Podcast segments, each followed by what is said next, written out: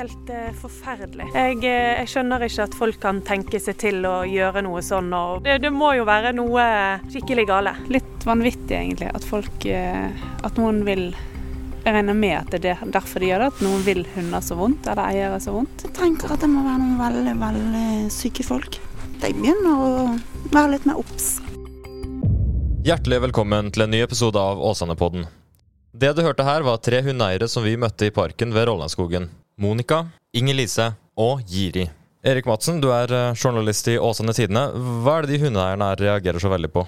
De reagerer på at Vi skrev en sak nå eh, forrige uke der vi snakket med Birte, som hadde gått på tur med den lille valpen sin i Rollandskogen. Da fant hun altså eh, sjokolade og druer som var lagt frem i skogen for at hunder skal spise. Det er jo dødelig for hunder. Da tok hun eh, hunden med til veterinæren. Det sto visstnok om veldig lite tid før denne hunden kunne mistet livet pga. dette. Og for å finne ut hvorfor druer og sjokolade er så farlig, dro vi til veterinæren. Jeg heter Hilde Røsland. Jeg er veterinær på Annikura dyresykehus Bergen Nord. Jeg er spesialist i sykdommer hos hund og katt, og har jobbet som spesialist i seks år. Jeg eh, har mye skader og hjertesykdommer og alvorlige utredninger på hund og katt er hovedfeltet mitt. Den hendelsen som vi har sett med druer og sjokolade som er dandert ute i Rollandskogen, ja. hva tenker du om det? Mitt første innskytelse når jeg så det, var at uh, det der hadde ikke mine hunder spist. Så jeg håpet jo litt at det var mer et skremselsskudd enn en meningen å skulle skade hunder som var på tur, eller katter som er ute på eventyr. Så jeg håper jo, sånn som det var lagt opp, at det var mer for å få blest rundt det enn kanskje nødvendigvis for å skade noen. Ikke for å gi noen noen gode tips, men hvis jeg skulle prøvd å forgifte noen med å ha dårlige intensjoner, så hadde jeg nok lagt rundt både litt kjøttgodbiter og andre ting som gjør at du iallfall trakk hundene til stedet.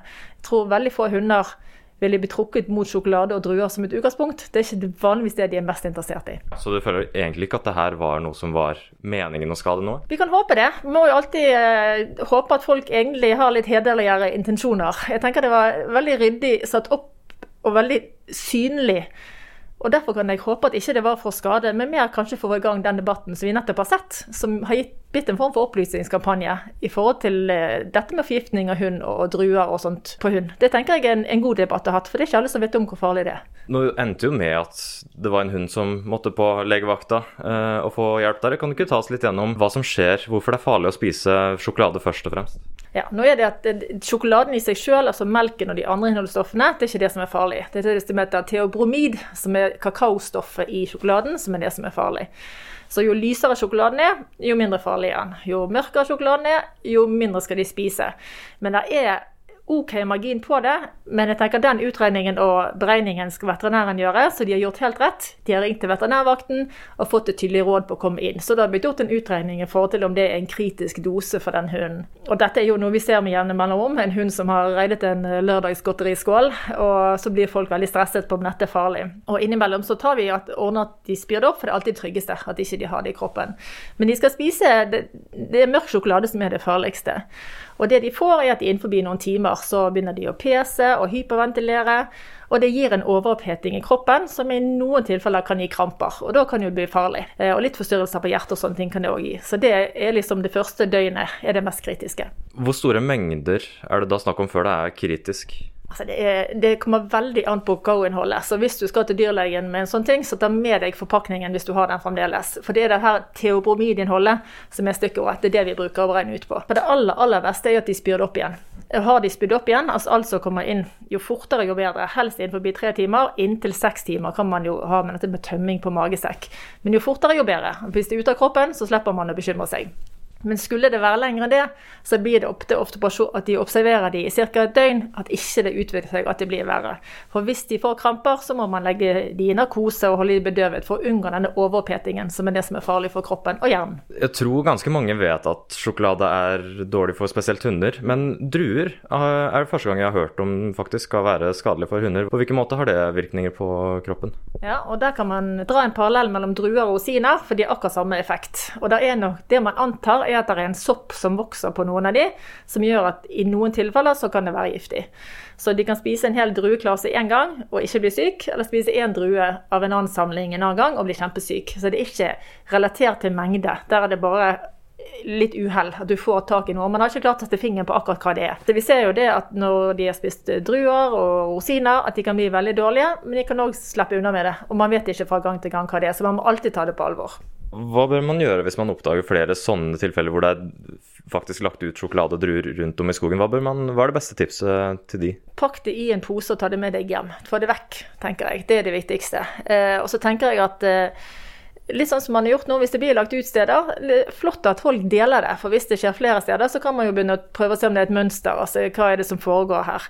Jeg tenker det er viktig at vi, Der kommer sosiale medier veldig bra inn, for nå får man på en måte visst om ting, og man kan følge med på flere områder samtidig, kanskje over flere større områder. Så jeg tenker at det er viktig å si fra. Er det noe annet man bør være eh, litt sånn oppmerksom på når man er, hvis man slipper hunden løs, eller hvis man bare er i et uh, terreng man ikke har vært i? Er det noe spesielt man bør være ekstra oppmerksom på, utenom at de selvfølgelig skal spise sjokolade og druer eh, som ligger løst? Ja, De er jo de mindre sannsynlige tingene at de finner når man er på tur, men andre ting som de kan spise. og Nå skal jeg ikke på en måte få folk vekk fra å ha hundene løs i de områdene det er lov, for det har hundene veldig godt av. Men vi har hatt en del telefoner om hunder som har spist sopp. Det er jo eh, et, et litt sånn minefelt, for jo, de ser jo til forveksling like ut på, for oss som ikke er flinke på sopp. Den som er mest giftig, og den som er minst giftig. Så der òg tenker jeg at hvis de har spist en sopp, så plukk den som står ved siden av, sånn at man kan få sjekket om det var giftig eller ikke. og Sånn sett anta det verste og få sjekket det først, for de kan bli fryktelig dårlige av sopp.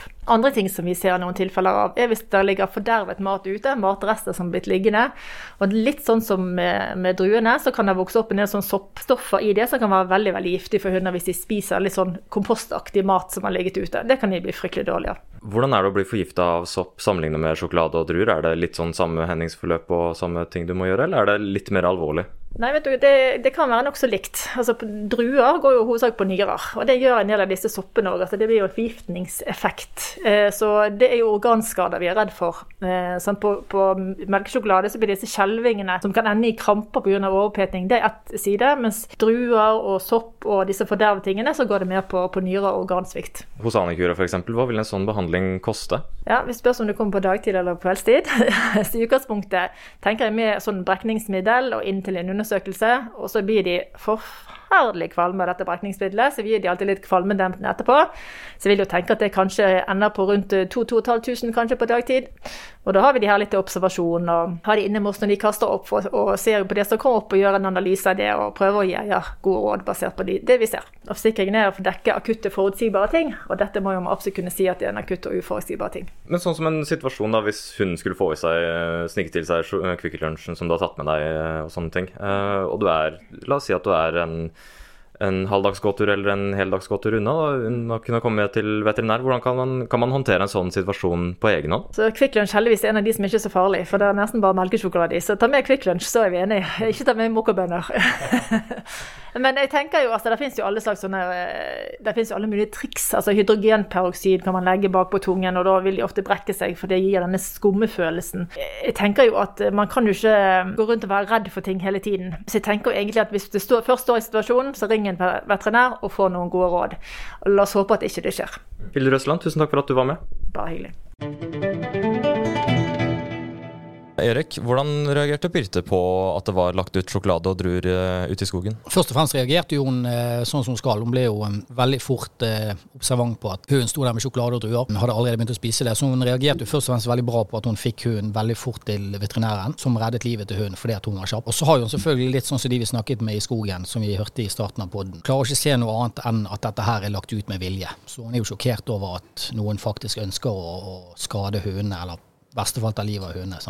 Dette er definitivt en sak som har engasjert veldig mange lesere av uh, Åsane Tidene. Men det er ikke første gang det her har skjedd, redaktør Thomas Gangstø i Åsane Tidene? Nei, Bjørnar. Det er faktisk ca. et år siden så uh, var det en hendelse i et av Norges største borettslag, nemlig Pressestien borettslag. Mm. Der uh, var det en hundeeier som heldigvis klarte å snappe hunden sin vekk når han var i ferd med å spise eh, noen uh, små piller som var gjemt innimellom noe hundegodt på en, på en sti i Prestin borettslag. Så er det også uh, på Facebook så leser jeg også at det har vært lagt ut rottegift rundt Liavannet. Om dette er for rotter, vet jeg ikke. Jeg har aldri sett en rotte der borte, det finnes sikkert. Men det går i hvert fall veldig mange mennesker på tur med hundene sine der, så det er uansett farlig. Thomas, du har jo vært hos politiet og snakka med de angående den saken vi dekker her, og de andre sakene, så la oss høre litt på hva de hadde å si.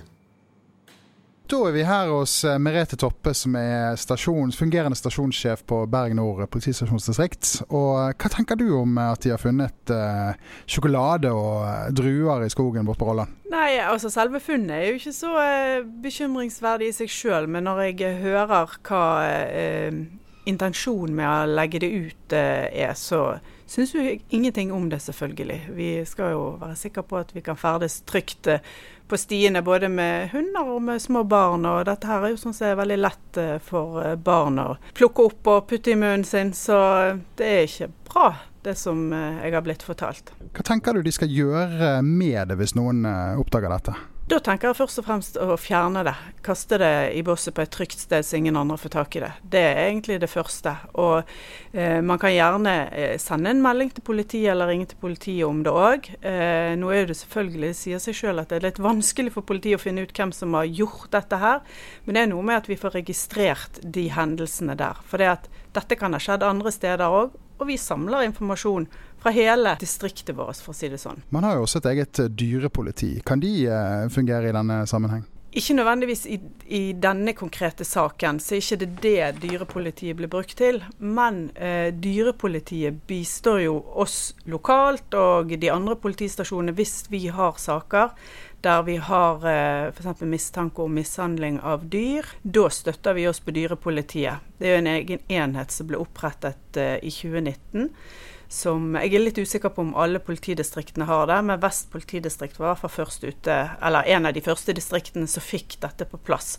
Og da har vi kompetente politibetjenter på dyrevelferdsloven som behandler sånne saker, og ikke minst støtter oss lokalt når vi har saker. Denne dyrekrimenheten de samarbeider òg med Mattilsynet.